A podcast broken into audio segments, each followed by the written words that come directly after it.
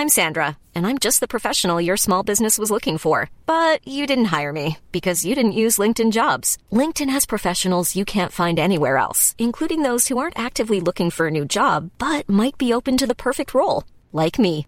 In a given month, over 70% of LinkedIn users don't visit other leading job sites. So if you're not looking on LinkedIn, you'll miss out on great candidates like Sandra. Start hiring professionals like a professional. Post your free job on linkedin.com/people today. Hey, I'm Ryan Reynolds. At Mint Mobile, we like to do the opposite of what Big Wireless does. They charge you a lot, we charge you a little. So naturally, when they announced they'd be raising their prices due to inflation, we decided to deflate our prices due to not hating you. That's right. We're cutting the price of Mint Unlimited from $30 a month to just $15 a month. Give it a try at mintmobile.com slash switch. $45 upfront for three months plus taxes and fees. Promo rate for new customers for limited time. Unlimited more than 40 gigabytes per month. Slows. Full terms at mintmobile.com. Burrow's furniture is built for the way you live. From ensuring easy assembly and disassembly to honoring highly requested new colors for their award-winning seating, they always have their customers in mind. Their modular seating is made out of durable materials to last and grow with you. And with Burrow, you always get fast, free shipping. Get up to 60% off during Burrow's Memorial Day sale at burrow.com slash ACAST. That's burrow.com slash ACAST. burrow.com slash ACAST.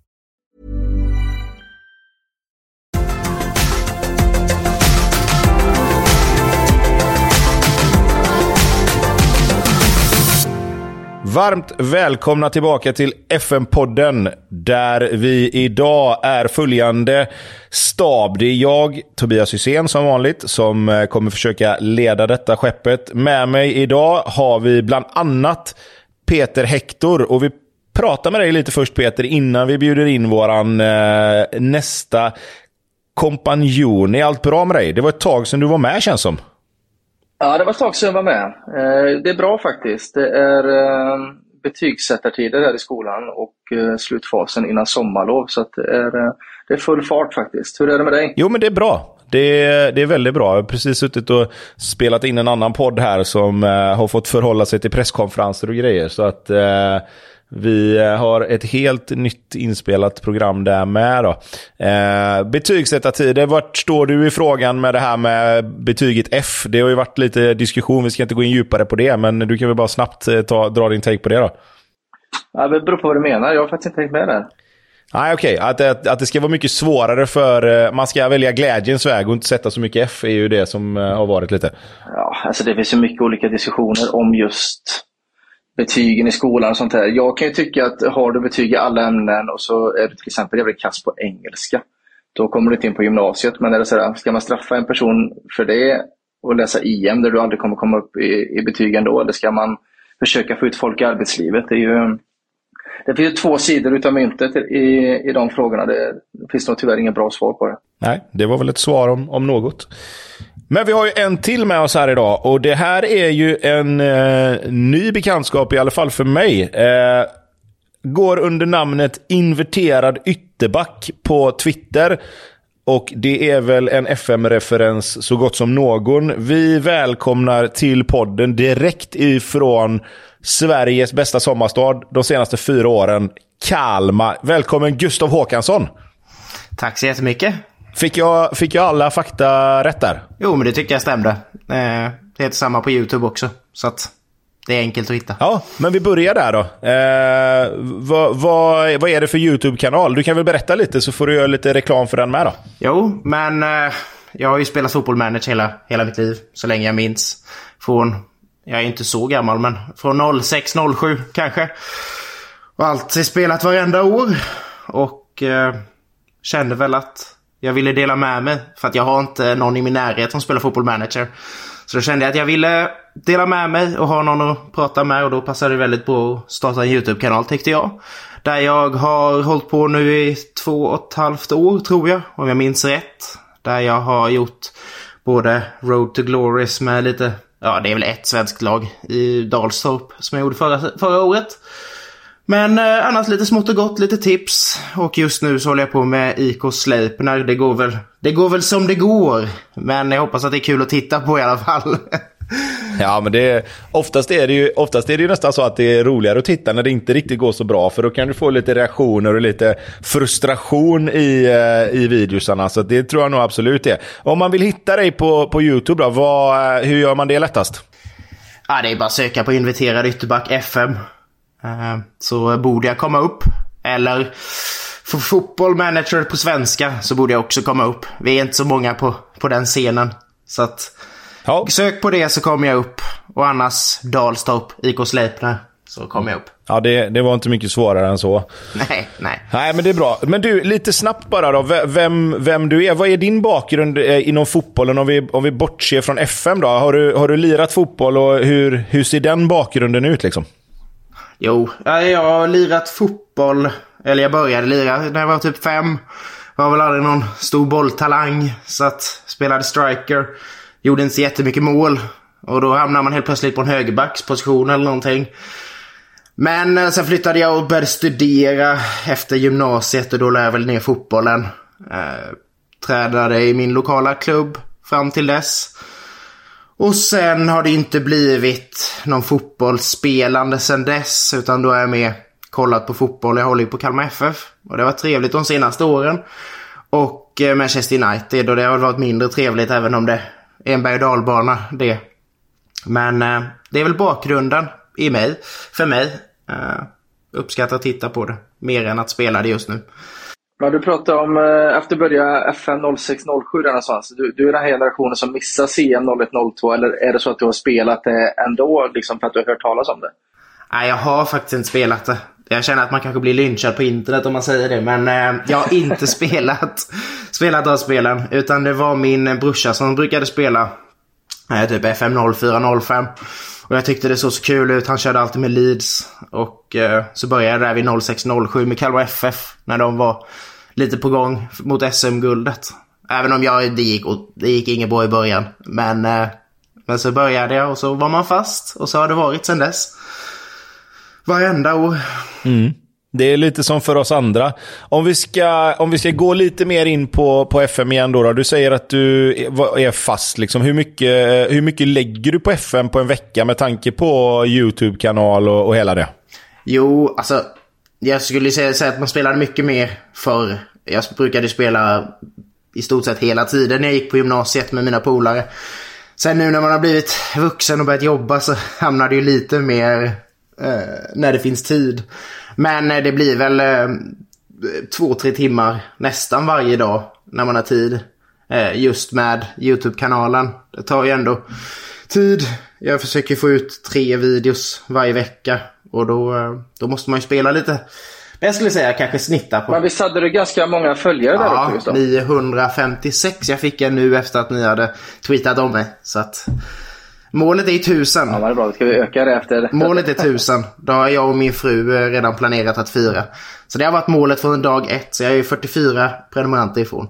Det ska vi lösa med lite, med lite reklam när vi trycker ut den här eh, podden. Det ska vi nog... Det, det, det är absolut målsättningen. Det får folk eh, bara gå in och, och kolla. det ska jag själv göra också faktiskt. Det låter alldeles utmärkt. Men hur är du då Gustav? När du kör de här, när du kör de här liden, är du liksom fast i att du alltid spelar en 4-2-3-1 till exempel? Eller anpassar du efter material? Eller har du olika regler när du startar saves just när du streamar? Eller hur, hur jobbar du? Jag jobbar med det materialet jag har. Eh, jag tycker alltid det brukar vara, folk brukar säga att 4-3-3 och 4-2-3-1 är så otroligt bra. Men för jag lyckas aldrig med det ändå så att jag, får, jag, jag, jag, jag mixtrar fram tills någonting funkar och sen håller jag i det tills det inte funkar och sen byter jag. Men eh, nej, jag brukar mm. inte hålla fast vid någon taktik. Det slutar väl ganska ofta i en smal formation. 4-3-1-2 är alltid bra. Jag såg ju Danne höll på med det också. Och du också Tobias. Men eh, nej, jag tycker anpassa det. Och sen är jag ju alltid så dålig på att bygga lag. Jag värvar liksom 12 spelare. Jag tänker först att så här, jag ska värva typ 5 spelare. någon ytterback, någon striker, inte värva för mycket. Och sen värvar jag typ 5 anfallare eh, två högerbackar och ingen vänsterback. Och så står man där och så får man göra det man, göra det man kan med materialet. Igenkänningsfaktorn där kan jag säga. Men, ja, men när du startar LIR, har du några speciella regler? Att man måste värva från ett visst land eller under en viss ålder? Eller, jag vet att Danne har ju lite dille på sånt där. Ja, alltså när jag spelar själv ibland, alltså privata saves, så har jag väl gjort lite åt det här hållet att man bara får värva kanske franska spelare om man är ett franskt lag. Och då blir det mm. att man gärna vill ha en bra akademi från början. Jag tror jag har spelat någon med Rennes för några FM sen som var jättekul. Och då fick jag bara värva fransmän. Och eh, mm. de har ju en väldigt bra ungdomsakademi. Men eftersom att jag är så eh, medioker på spelet så blir det svårt nog att bara, att bara ta sig upp genom seriesystemen. Jag är väl på min tolfte säsong med IK Sleipner har gått upp två divisioner. Jag har varit uppe i Allsvenskan men åkt ner. Men eh, nej, det, jag är inte tillräckligt bra för att sätta massor med krav på mig. Vad skönt att höra att det inte bara är jag. Nej, man, man ser alla på Twitter och Instagram och YouTube som hela tiden bara går upp och går upp och går upp. Ja, men när man är nära polare med Danne så blir det inte roligt längre liksom. Nej, jag vet. Jag vet. Nej, men det... Du, du är inne och, och nuddar på det lite nu, eh, Gustav. Då. Vi, om vi går vidare mot aktuella saves då. Eh, du sa att du spelar... Du, är det, var det IK Sleipner du körde med precis just nu, sa du? Ja, exakt. Ja, och hur går det då? Du, du var inne och nudda på det. 12 säsonger. Lirar du superettan nu då, tolkar jag det som? Ja, ja, exakt. Vi började i division 2. Och sen var det väl kanske varannan säsong uppflyttning till superettan. Där blev det några extra säsonger tror jag. Vi gick upp till allsvenskan. Och någonting som jag absolut aldrig är van vid är att man faktiskt åker ner. Det brukar, så här, när man väl kommer upp till allsvenskan så brukar det släppa. Men eh, ja, sen åkte jag ner. Och sen tänkte jag att jag skulle studsa upp direkt. Det gick inte alls bra. Fick ett sammanbrott. Ja, du fick behålla jobbet ja, ja, ja. ja, alltså vi var ju, vi var ju tippade att komma liksom. Det var ju Leicester, Leicester Odds 2015 eller vad det var. Så att äh, jag fick behålla jobbet. De var väl inte superglada men äh, sen var vi tippade att komma i mittenplacering så det sa väl mer om, om vår förmåga. Och sen har det, tror jag, inne på andra säsongen nu i Superettan igen eller någonting. Andra eller tredje. Och nu ser det väl ut som att vi kommer gå upp i Allsvenskan igen. Det är jag väldigt glad över. Om du, om du ska gå in på uh, några specifika spelare då som har uh, kanske hängt med. Nu, nu tänker jag att går man från division 2 upp till allsvenskan så är det svårt för spelarna att hänga med hela vägen. Men har du några spelare som har betytt mer för dig dels tidigt som kanske är Sleipner, eh, som kanske är Sleipner-spelare på riktigt om man säger. Och sen har du värvat in några som sen har blivit favoriter. Jo, jag har ju en som började Sleipner, men jag tror att han inte spelade där i verkligheten utan jag hade en dålig uppdatering med. Vettle Larsen, Larsen, en klassisk som alltid är bra i lower leagues. Det är en högerytter med lite pace. Och han var ju med mig upp till superettan. Och han gjorde, jag tror han vann skytteligan nästan varenda år. I ett par säsonger där. Men sen kom vi upp i superettan och då, då var liksom kvaliteten lite för lite. Men sen har jag en målvakt också som jag värvade in, tror jag, i division 1. Som har varit med upp i allsvenskan och sen åkt ner med oss. Såld och sen köpt igen. Och det är David Andersson. Jag undrar om inte det är Bosse Andersson. Eller heter han Bosse, Djurgårdens sportchef? Hans son. Hans son tror jag är David Andersson. Är det någon som har kommenterat till men jag har inte kollat upp det själv. Men eh, han är en sån målvakt som, hans stats är inte jättebra. Men han är alltid otroligt, eh, otroligt säker i kassen. Och eh, jag försökte hitta en bättre målvakt, lyckades inte. Värvade tillbaka honom och nu håller han på att ta oss upp i allsvenskan igen. Man måste ju fråga också, hur gick det när du mötte Norrköping? För det är ju de tuffaste, det är väl derby va? Ja, ja. Det, vi var ju alldeles, alldeles för svaga. Men jag vill minnas att vi faktiskt vann första matchen mot dem i Allsvenskan. För jag trodde att vi skulle hålla oss kvar. Vi började jättebra. Och sen, eh, det gick åt helsike. Men jag tror vi vann faktiskt. Jag har inte exakt nu för det var ändå ett par säsonger ifrån. Eller sedan vi mötte dem.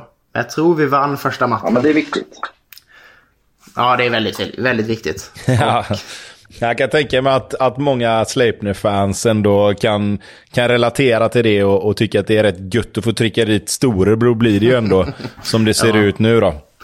Ja, men det har man fått några som har skrivit till en och tyckt det är kul. Så att, ja, absolut. Men vad tog, vad tog arenan när du var i division 2 respektive när du gick upp i Allsvenskan? Då? Kunde man bygga ut den mycket? vi spelar ju på eh, Nya Parken, eller vad det heter. Platinum ja, Cars Arena. Så, så vi har ingen egen arena. Så att okay publiksnittet är också det mest frustrerande. Det har inte ökat någonting knappt. Alltså det ligger på tusen, även i allsvenskan.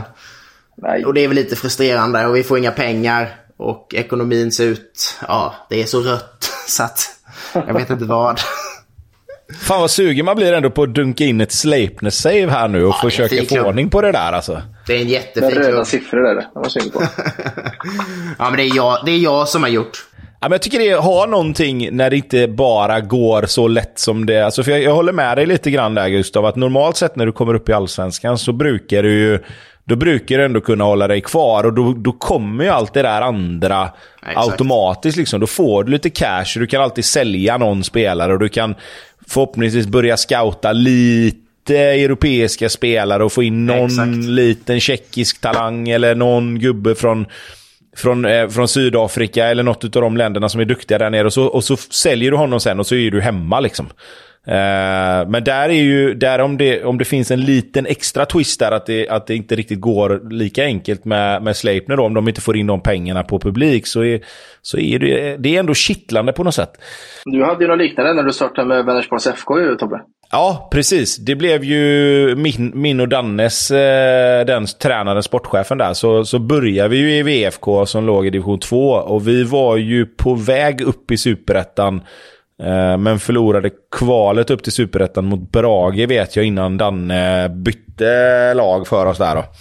Eh, då hamnade vi väl i... Jag har en jävligt bra video på min eh, telefon när vi står på Vänersvallen du och jag och du känner att du Ja, ja, ja, nej precis. Det gällde ju att ta, det gällde ju att ta, eh, ta, vad heter det, ta alla chanser där. Och samma när Supa in vi... atmosfären liksom. Ja, precis. Nej, men det var ju samma där. Vi hade ju, vi hade ju Albin Broberg som spelade i VFK på FM där. Han var ju med oss och mötte oss med två åker sen. Eh, och det var ju lite så här, fan, där är, fan Albin alltså, det, är- det är min gubbe. Eh, Det är min gubbe. inte lika mycket nu då när han gick, eh, när han gick till, var det Mellerud han gick till va? Ja, Jajamän. nej, det är för dåligt Albin. Eh, Peter, du då? Har du hunnit lira någonting nu i betygsättartider och sånt där? Eller har du någon save igång? Nej men alltså, jag är inne i en sån här riktig... Jag vet inte hur många som känner igen sig i detta. Jag har ett sånt grovt FM-sug. Jag vill verkligen lira, men det är helt blankt. Det är helt svart när det kommer till vilka jag ska lira med. Startar man upp till, ja men Lazio kan vara kul. Så med Lazio så scrollar man en träningsmatch nej, det var tråkigt. Och så kör man nästa. Och så, jag är inne i en sån där jag vet inte om det är många som kan relatera till det, men man har ett FM-sug men det helt, står helt still vad man ska lira med. Men jag tänker att nu kommer det några värvningar i silly season så att det kan trigga någonting. Att man, eh, man kommer starta med något. Jag vet inte, har ni några bra tips där på eh, vad som är roligt? Ja, nej, jag, alltså, jag blir sugen på alltid när Premier League, st lite större Premier League-lag, eller gå ner i Championship och bara ta över dem. Och bara kunna rensa ut hela truppen, ta in lite unga talanger. Så jag har faktiskt eh, funderat på att dra igång en Leicester-save på kanalen. Eh, lite mer så här bara en säsong i varje avsnitt. Med lite fokus på utveckling och så. Så det är ju mitt förslag. Jag gillar ju sådana Ja, men det är lite enklare ändå för att ekonomin har man ju. Och strukturen Så har man. Mitt, mitt stora problem är att jag är så jävla mycket Tottenham att jag kan inte lira med något annat lag i Premier League. Och i Spanien, ja, men det tycker Atletico är rätt kul, men det slåss då mot Barca och Real eh, och det är inte heller kul. Italien, det är ju rätt kul med alla regler och så med Italien, men de har så fruktansvärt intetsägande trupper så att du behöver ju jobba in dig i fyra, fem säsonger innan det blir roligt. Ja. Och Bundesliga har ju egentligen allt som jag älskar. Det är ju en stabil ekonomi, det är stora fans, alltså mycket folk på läktarna. Men det, det finns ingenting som triggar mig i Bundesliga för fem öre. Och franska ligan med PSG, det är liksom där. Jag är jättesvårt för allsvenskan. Så det, det landar att man startar med Spurs och sen förlorar man mot Arsenal med 3-0 och sen får man köpa en ny Macbook. Det är liksom det är så, så man jobbar. Jag älskar ju tyska ligan. Alltså 100%. Men jag gillar ju att börja liksom i alltså typ division 3 då. Det är, så, det är trevliga registreringsregler där för man får typ registrera 99 spelare. Så det blir aldrig några problem med uttagning med för många utländska Wonder Kids och så. Nej, precis. Tänk vad Kevin kommer gilla när han klipper detta. Exakt. Ja, det är svårt. Det är svårt. Du då Tobbe, var, vart är du nu? Nej, men jag, jag ska komma till det. Jag, eh, jag har lite som dig Hector faktiskt. Alltså jag har lite, lite idétorka. Jag kör ju med mitt Blåvitt här. Eh, som jag är inne på typ 17 säsongen eller någonting. Och jag ska ju, min målsättning där var ju liksom, jag spelade ju två Champions League-finaler här för ett par år sedan. Och så var ju då målsättningen att nu ska jag vinna Champions League. Men det har lite grann gått i stå för att det är ju fortfarande så att vissa klubbar på spelet är ju så otroligt overpowered att det blir ju svårt alltså. Um, nu på den senaste säsongen här så slog jag ut Real Madrid med 7-2 totalt i, i åttondelsfinalen. Uh, och tänkte liksom att nu, nu är, det, nu är det året som jag ska köra. Liksom. Och så blir man ju lottad mot Manchester United i nästa runda. Och så leder jag med 3-0 på hemmaplan. Och så hämtar de upp till 3-3 och så blir det 3-3 då på, på hemmaplan. Tar ledningen 1-0 på bortaplan, 89 minuten 1-1 och sen vinner de på förlängning. Och då blir jag så här, det är ingen idé att försöka ens. Alltså varför, varför håller jag på? Alltså du kommer aldrig kunna tävla mot, mot datorn liksom. För det finns alltid ett lag som är, som är liksom för bra. Du ska inte kunna vinna Champions League liksom med, med, med, ett sånt lag. Och det vet jag att man kan. Så att, men nu är, det, nu är det mer frustration än vad det någonsin har varit. För nu har jag liksom, jag tror jag har tre eller fyra spelare på den här topp 20-listan. inte, inte på talangerna bara, utan på själva listan av spelare liksom. Så har jag fyra man tror jag. Eh, men det är liksom, det, det, det är liksom, det, det, är något, det är något lag varje år som bara är lite för bra. Eh, så att nu är det Blåvitt ett tag, men kommer jag på minsta lilla eh, som jag vill göra så kommer jag steka det Blåvitt-savet nu och så kommer jag ta det istället. Men man är inne på att hitta någonting annorlunda.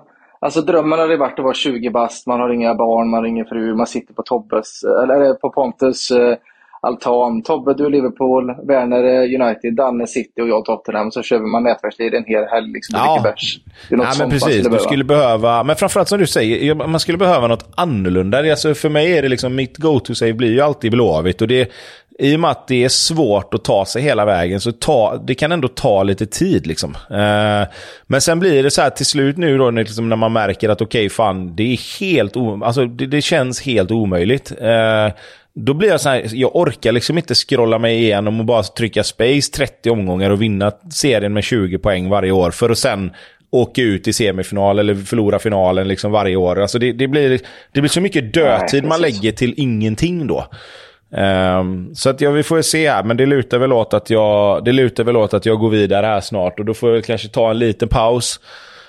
Och sen så har jag ju fortfarande då, nu är det ju jag och Danne har ju satt igång en ny så här tränaren, sportchefen, eh, där vi har bytt roller lite.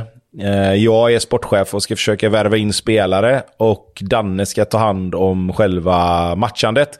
Och nu sista fönstret här så fick jag till mig att vi behöver unga spelare. Eh, du är på deadline day. Jag bara okej, okay, ja tack. Men kan du inte bara fucka upp det lite för Danne och bara värva skit? Jo men, jo, men det, det kan han behöva. Det, det, det, finns absolut med i tankarna längre fram. Uh, men det, alltså det är ju bara skit han får nu, för det finns ju liksom inga spelare att värva in till de här lagen vi är nu. Nu är vi bulgariska andra divisionen tror jag. Uh, och med tanke på att han gav mig mer eller mindre liksom åtta timmar på spelet att värva folk, så, så det finns ju liksom inte, det finns ju ingenting att värva in.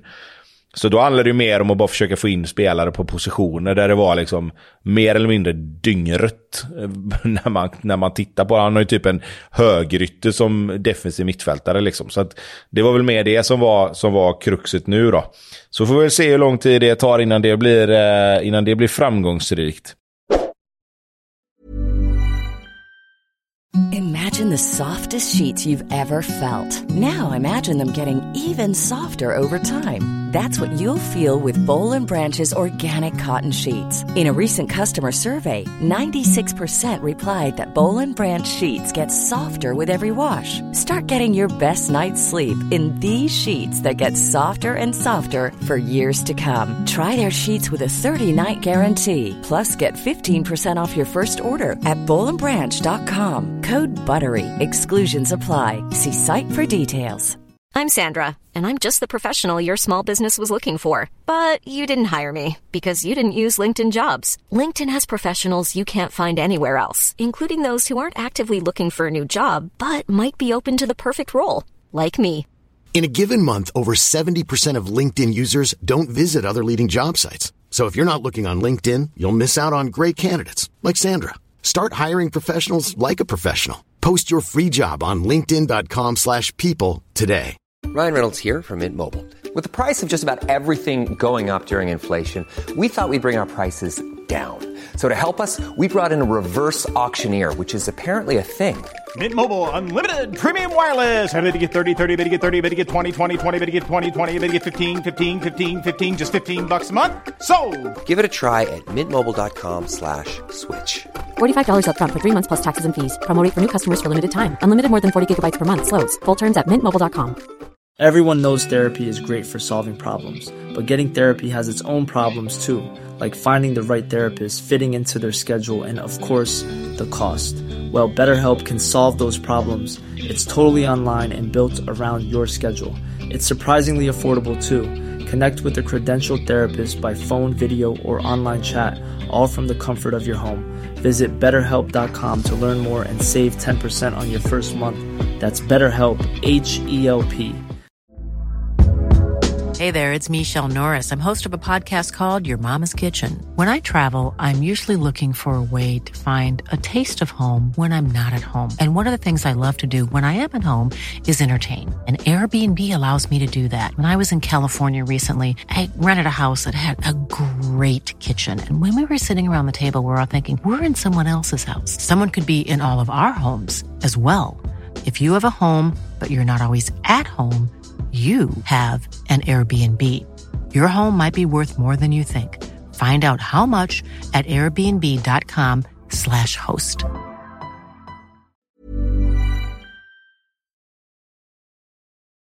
Men vi ska göra så här. Eh, vi måste ju någonstans ändå...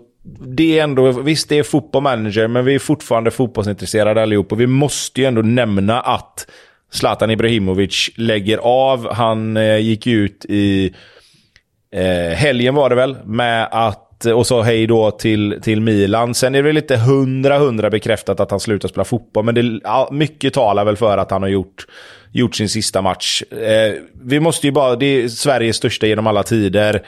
Eh, Gustav, vad har du för relation till Zlatan liksom? Alltså jag har nog, jag har nog jag har så samma relation som liksom... Ja, det känns som varenda svensk fotbollsintresserad förutom kanske de som håller på Malmö.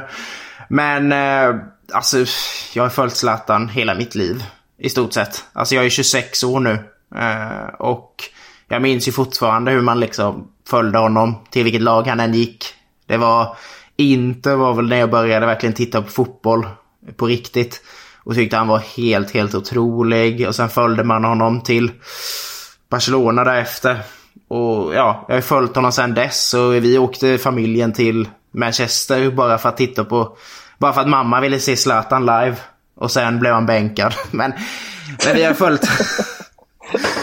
Vi har följt, alltså, ja, jag har ju följt honom hela tiden. Jag, det är lite hårt. Jag trodde inte det skulle göra det för det känns som att det nästan liksom har ja, tappats av lite med tiden. Och det känns nästan som att ja, men han hade ju lite lagt skorna på hyllan redan innan. Men när det var officiellt, det var, det var emotionellt. Alltså, det tog hårdare på mig vad jag trodde. Och det känns verkligen som att jag vet inte om jag någonsin kommer få uppleva en spelare som Zlatan, som är från Sverige. Och ja, det är yeah, tråkigt. Men eh, allting har ju ett slut. Så är det. Ja, nej, verkligen så är det. Hector, vad, vad har du för eh, liksom, förhållande till hela, hela fenomenet Zlatan? Liksom? Alltså, du, som är, du som är några år äldre. Ja, jag minns ju redan när han kom upp i Malmö. Och sen, ja du vet ju Tobbe hur det var, början på 00-talet. Man hade ju inte mobiltelefoner och följde allting. Utan jag minns så väl att, jag tror det var 2001 han gick till Ajax va? Ja, det kan nog stämma. Ja. För han är ju Ajax på 01-02 och då minns jag att jag köper Sportbladet och slår upp och då är det en röd tröja med nummer 9 och så Zlatan. Då var det ju klart. Liksom. Jag minns att jag låg på stranden, och måste vara 13 år då, och läst eh, om detta. Sen dess har man ju följt honom när han slog igenom i Ajax. Jag minns väl egentligen mest när han gick till Juventus. Där det var Del Piero, det var Trezeguet och Nedved. Och han kom in i sånt jäkla stim och gjorde mycket mål där. Och då, då kände man att fan den här killen, han är, han är på riktigt. Det är väl det starkaste. Sen var det såklart kul när han var i Barca och Inter och Milan. Och han, alltså han har ju varit med så mycket, men starkaste var nog ändå när han var i Juventus och slog igenom. För på den tiden tyckte jag ju verkligen om Serie A, när det var mycket namnstarka spelare. och han, han var skinande där verkligen. Och Juventus hade ett sånt jäkla bra lag. Det, så skulle jag nog säga. Och du Tobbe som, jag vet inte om jag ska säga att du känner honom, men du som har spelat med honom och varit i omklädningsrummet, och, vad, vad är din bild? Nej, men jag, jag, eh, givetvis har jag ju en, en, en lite annan bild, eller det är väl egentligen samma bild som alla som har spelat med honom egentligen har. Att det är ju en, en spelare som är, som är något utöver det vanliga. Liksom. Det, det såg man ju varje träning. Även om han inte var var liksom hundra liksom påkopplad och helt hundra i, i liksom mindset varje träning så, så räckte ju det till att vara bäst. Liksom. Eh, han gjorde ju grejer och man såg ju liksom när det hände saker och när han fick liksom den där lilla gnistan i ögat och, och, och, tänkte nu gör jag så här så var det ju, alltså man fick ju se saker som var på en annan nivå såklart. Eh, Eh, sen har det alltid varit den där debatten om, om honom i landslaget. Och jag var väl, mm, spelade väl med Zlatan i landslaget under en period där han hade både helt fantastiska matcher och matcher där man tänkte att han måste kunna göra det bättre än så. Liksom. Eh, men däremot så skulle jag säga att hela den här diskussionen kring hans sätt att vara och det, det där kan jag bara säga att jag jag har bara bra, bra minnesbilder av Zlatan i, i landslaget, i, i omklädningsrummet och kring träningar och kring matcher. Liksom. Eh, sen, sen varierade prestationerna, eh, precis som för, för alla spelare i, ibland.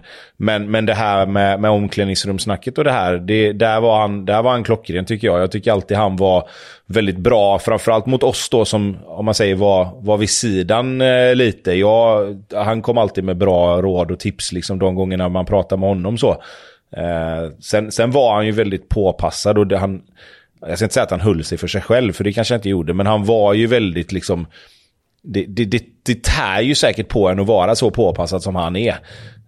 Um, så att, men, men en fantastisk spelare, um, en bra person att ha i omklädningsrummet tycker jag. Så att, uh... Går det att sätta ord på liksom, när han var i omklädningsrummet hur, vilken, eh, hur ska man säga, auktoritet han hade liksom?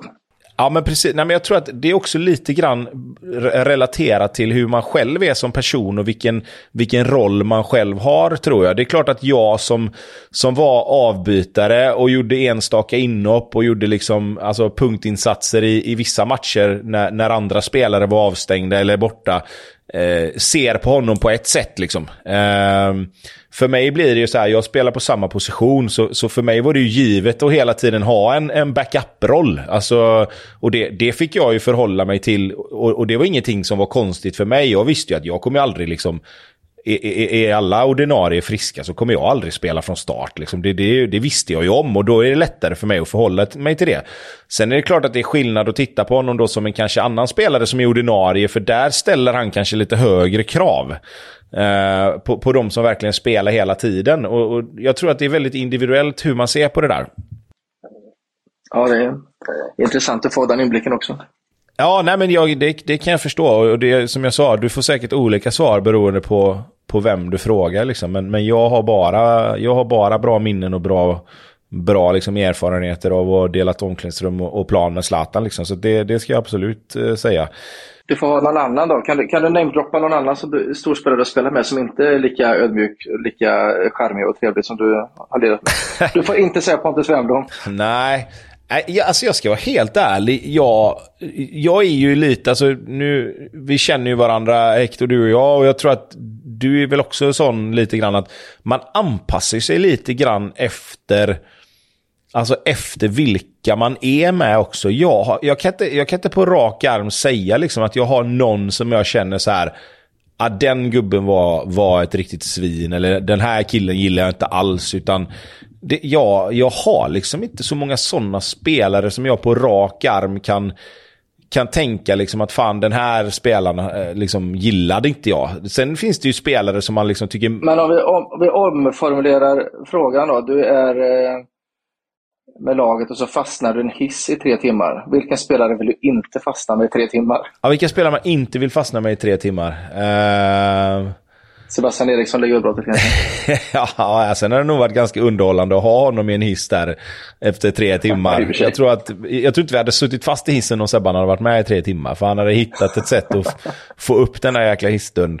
Men, eh, ja, men det är svårt alltså. Men det, jag, jag, jag, jag vet inte om jag har så jävla många sådana spelare. Liksom. Det är som jag sa, jag, jag jag, var, jag är rätt liksom ombytlig och sådär. Jag tror jag kan anpassa mig rätt bra till olika. Det, de svåraste är väl de som man liksom kanske inte har haft supermycket gemensamt med liksom fritidsintressen och sånt där i så fall. Men det, jag, jag, kan inte säga att jag har haft någon spelare i, i trupperna genom åren som jag liksom har gått runt och stört mig på. Liksom och bara, han vill jag absolut inte dela rum med.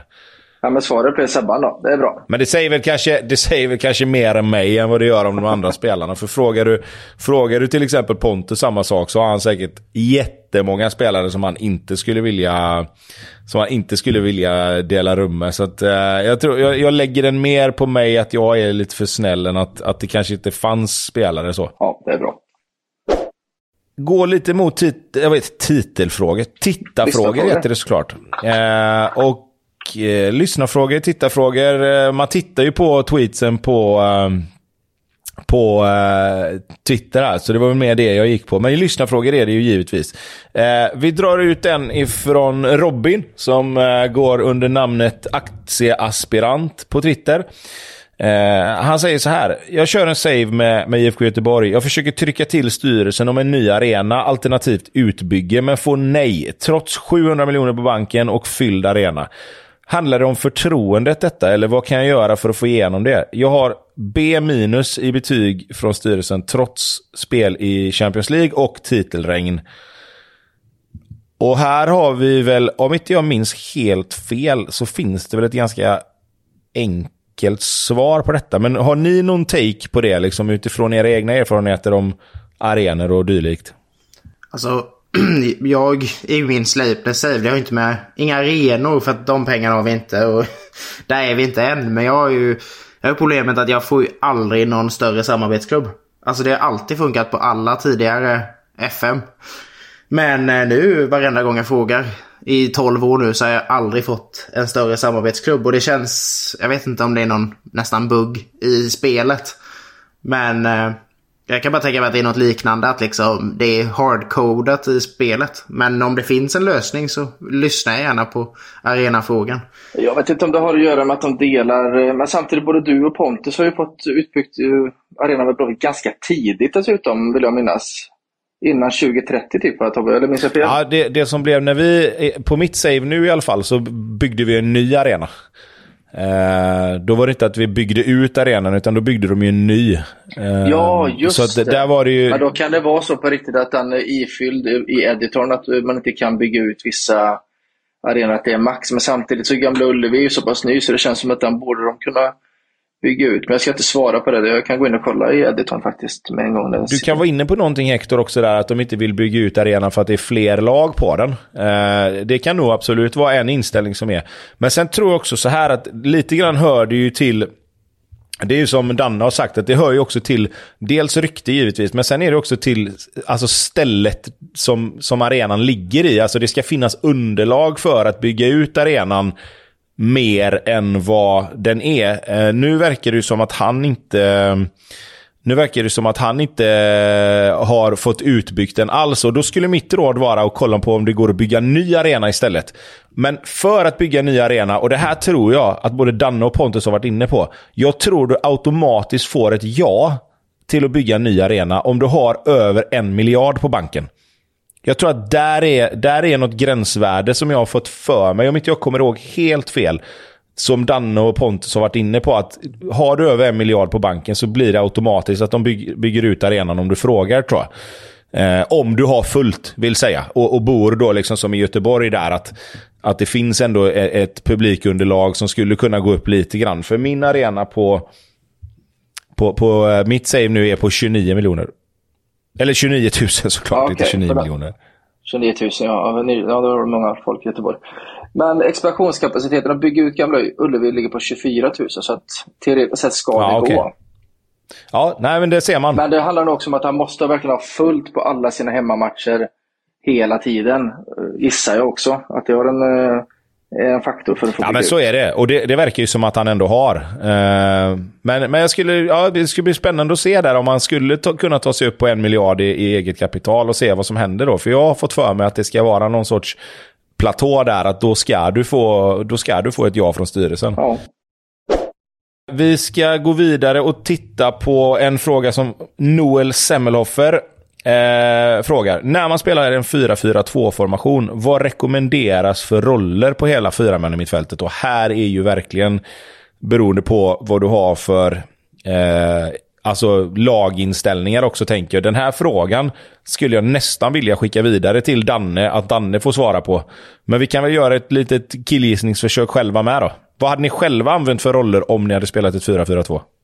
Alltså, jag brukar köra en defensiv speluppbyggare. Brukar jag vilja ha de som kontrollerar spelet. Och sen bredvid antingen en bollvinnare eller en löpstark spelare. För att spela med två speluppläggare eller en löpstark och en bollvinnare. Man vill ändå ha någon som dirigerar matchen. Och då vill man ju ha någon slags, någon slags speluppläggare. Och sen ett rivjärn bredvid. Men det är ju för att man är lite old school i hur man spelar 4-4-2 förr. Jag vet inte vad du säger Gustav? Jag spelar ju... Ja, nu kanske jag blandar ihop saves. Men jag har 4-4-2 som jag just nu har med AIK. En save som kom ut nu i helgen. Kanske ge shoutout till mig själv. Men eh, jag, för mig tycker det är blanda... Jag blandar gärna liksom eh, just med, eh, vad säger man, rollerna. Inte rollerna, men om de är, vilket fokus de har. Om de är understöd, försvar eller anfall. Att man... Eh, ja, men jag brukar kanske köra, om jag kör en vänsterytter eller en vänstermitt som är inviterad ytter på anfall. Så bredvid honom ska det då vara en central mittfältare på försvar så att det finns en yta för honom att springa in på. Än att man kanske hade haft en anfallande mittfältare där också så krockar ju de lite i mitt huvud. Eh, så då vill jag gärna ha någon som droppar ner. Det kan vara en defensiv spelfördelare eller en central mittfältare på försvar som jag tycker är väldigt bra. Och sen bredvid honom då att jag sätter en som är lite mer offensiv och kanske jag gillar central mittfältare på anfall. Tycker de kommer med bra upp i anfallen. Och sen, eh, ja, sen får det bli då en understödjande högerytter istället då. Det är så, så brukar jag fokusera. Sen om det går bra, det är en annan sak. Men... Nej, men då är det i alla fall ett svar och det är så gott som, som något. Du, vi ska ha en fråga till här innan vi släpper iväg er två. Men den här borde ju komma lite grann som handen i handsken. Tick, ticka med Sala eh, frågar så här. Tips på bra naturlig inverterad ytterback på spelet. Jag hittar aldrig någon vettig som har det som sin bästa position, utan måste alltid skola om någon, eh, någon mittfältare eller ytterback från andra flanken. Och den här får väl du bara ta Gustav, för jag antar och hoppas att det här är din specialitet. Ja, jag, jag, såg, jag såg frågan så tänkte jag så här, ja, det är ju passande för dagens avsnitt. Men eh, personligen kan jag ju ingenting om inviterade ytterbackar. Men jag gjorde jobbet och eh, tog fram tre stycken. Jag tog fram tre stycken som, på olika nivåer som jag tror skulle kunna vara eh, naturliga i den positionen. Första om man spelar i Premier League, Serie A eller liknande och väl kanske i mitten. Så eh, Jonny som spelar vänsterback i Wolves. Han är väl högerfotad vänsterback. Så det bara sjunga om det. Och ganska teknisk. Och jag tror att han är en ganska bra inviterad ytterback. Så att det är första. Ja, han skrev ju inte den här tweeten vilken nivå det var. Så att, sen smäller jag in en Wonderkid också. Eh, eller i alla fall ett, ett starkt löfte. Och han heter Amar Dedic i Salzburg. Aldrig hört talas om honom. Men eh, jag gjorde jobbet som sagt. Ja, det är en högerfotad vänster högerback som är naturlig i inverterad ytterbackspositionen. Han är 19 år tror jag. Och eh, har några riktigt fina stats. Så eh, jag tror man kan ta honom till nästan de flesta av topp 5-ligorna. Till och med om man ligger i botten i typ Premier League. Så eh, det tror jag är en väldigt bra spelare. Och sen i AIK också finns det ju faktiskt en spelare som heter Haliti som spelade i Mjällby innan. Och han är ju högerfotad. Spelade vänsterback en del för Mjällby vill jag tänka för säsongen. Och han är faktiskt naturlig i inviterad ytterbacksrollen. Men han kanske passar lite mer i om man är nykomling i Allsvenskan eller, eller liknande. Men det är de tre jag har hittat. Annars tycker jag inte det är fel att konvertera en innermittfältare eller defensivt mittfältare. Det tycker jag är mer charmigt nästan. Men det är intressant ändå för att det finns ju så olika typer. Jag tänker som, när jag tänker på inverterad ytterback då tänker jag ju på eh, Cancelo i, som är i Bayern nu. Jag tänker att Kimmich är ju en liknande som skulle kunna göra det jobbet. Du kan ju ha en inverterad ytterback. Säg att du är, eh, möter en höger ytterforward som är svinduktig och svinsnabb. Ja, men man kan ju sätta Kyle Walker där försvarsmässigt, men det är ingenting du får nytta av i din speluppbyggnad. Så det finns väl olika sätt. Jag vet inte hur Tobbe ser på en inverterad ytterback, men Det känns som att det finns olika sätt att använda den på.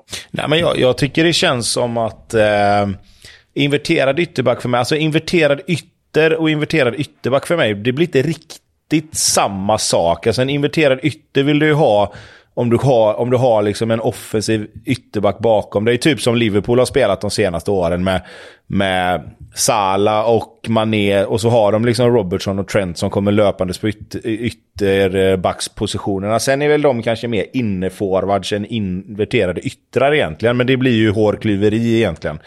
Eh, däremot så tycker jag att... Alltså, Kulusevski kan man säga mer inverterad ytter. Han kliver in. Liksom. Ja, men precis. Och sen kan jag tycka så här att det behöver inte nödvändigt... Alltså för mig blir en inverterad ytterback behöver inte nödvändigtvis vara fel fot på fel kant. Utan jag kan ju tycka att en sån som Sinchenko lite grann spelar inverterad ytterback fastän han är vänsterfotad och håller till, om man säger till vänster.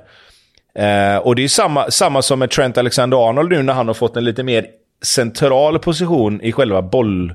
Alltså i, i, i bollinnehav och i uppbyggnadsspelet så blir han också någon sorts inverterad ytterback, även om han inte är vänsterfotad till höger.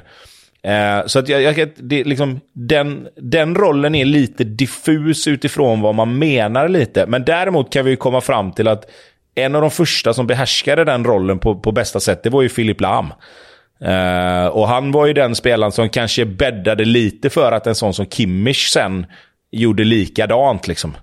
Uh, så, så ska vi ge någon cred, det, det är väl lite grann att, titta åt Bayern München-hållet uh, på, på det sättet som de spelade. Sen har de givetvis haft andra spelare som Alaba och, och eh, Bernat och sådana spelare också som har, som har gått på de positionerna. Liksom. Men, men alltså Filip Lam och, och, Kimmich var väl de första, om man säger ihop med Cancelo, då, som, som började titta på det på, på ett sätt. Så att... Eh, ja, men spännande lite grann att se hur man tolkar det där. Ja, sen tycker jag ju också att de behöver inte vara helt naturliga i den positionen. Alltså för att man ska spela, det tycker inte jag. Även om det ser bättre ut alltså när man tar ut laget så tycker jag att det spelar väl inte så superstor roll. Danne har ju varit inne på det också, om de är supergrön eller halvgrön. Det spelar inte så stor roll. Så länge man kan spela på positionen och har rätt egenskaper så, så löser de ju den positionen. Exakt, och som sagt, mm. det, ja, precis, jag, tror in, precis. jag tror inte någon inverterad ytterback som är på högerback och högerfotad kommer vara med en full grön som inverterad ytterback. Utan då blir de ju offensiva ytterbackar typ. Så då... Så jag tror, titta inte det blint på den. Eh, att man de ska vara fullt bekväma i det. Utan spela de du tror passar. Ja, lite mer titta på stats än, än stjärnor, ja precis. Exakt, och kanske lite specialiteter också. Om den driver upp den eller slår avgörande passningar och vänder spelet och så. Ja, precis. Det är väl jättebra eh, avslutning på, det, på svaret på den frågan tycker jag. Eh, grabbar, jag vet att eh, ni har andra saker att göra. Eh, så att vi ska ta och runda av det här avsnittet. Tack så jättemycket Gustav för att du var med. Eh, grymt att få, eh, att få din eh, input på, på FM. och eh, du ska få en gång till bara innan vi, innan vi avslutar eh, göra lite reklam för och, och promota din eh, YouTube-kanal. Så att eh, du får eh, 20 sekunder här nu och, och dra folk till kanalen. Yes! Road to Glory, svenska lag oftast, lite brittiska också, lite blandat. Men tips och tricks. Road to Glory, det är kul att se folk lida har jag hört. Och jag lider ganska ofta när jag spelar. Men kolla in kanalen, inviterad ytterback. Jag finns på Twitter. Instagram, TikTok, även om de inte oftast uppdateras. Men YouTube, jag är 44 ifrån 1000. Let's make it happen. Och så tackar jag för att jag fick vara med. Ja, det ska vi lösa. Det är vi som ska tacka, absolut. Och eh, för er som eh, följer FM Sweden så finns vi på Twitter och även på Instagram. Vi finns på info fmsweden.se om man undrar över andra saker som man inte vill ta där. Och så säger vi väl tack och hej för den här gången och så hörs vi av om en eh, dryg månad igen. Ha det gött! Eh. Ha det fint!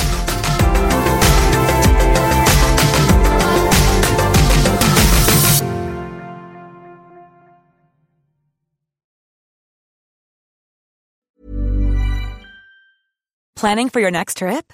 Elevate your travel style with Quince. Quince has all the jet setting essentials you'll want for your next getaway, like European linen premium luggage options, buttery soft Italian leather bags, and so much more. And is all priced at 50 to 80% less than similar brands. Plus, Quince only works with factories that use safe and ethical manufacturing practices. Pack your bags with high-quality essentials you'll be wearing for vacations to come with Quince. Go to quince.com slash pack for free shipping and 365-day returns. Mom deserves the best, and there's no better place to shop for Mother's Day than Whole Foods Market. They're your destination for unbeatable savings, from premium gifts to show-stopping flowers and irresistible desserts. Start by saving 33% with Prime on all body care and candles. Then get a 15-stem bunch of tulips for just $9.99 each with Prime. Round out Mom's menu with festive rosé, irresistible berry chantilly cake, and more special treats. Come celebrate Mother's Day at Whole Foods Market.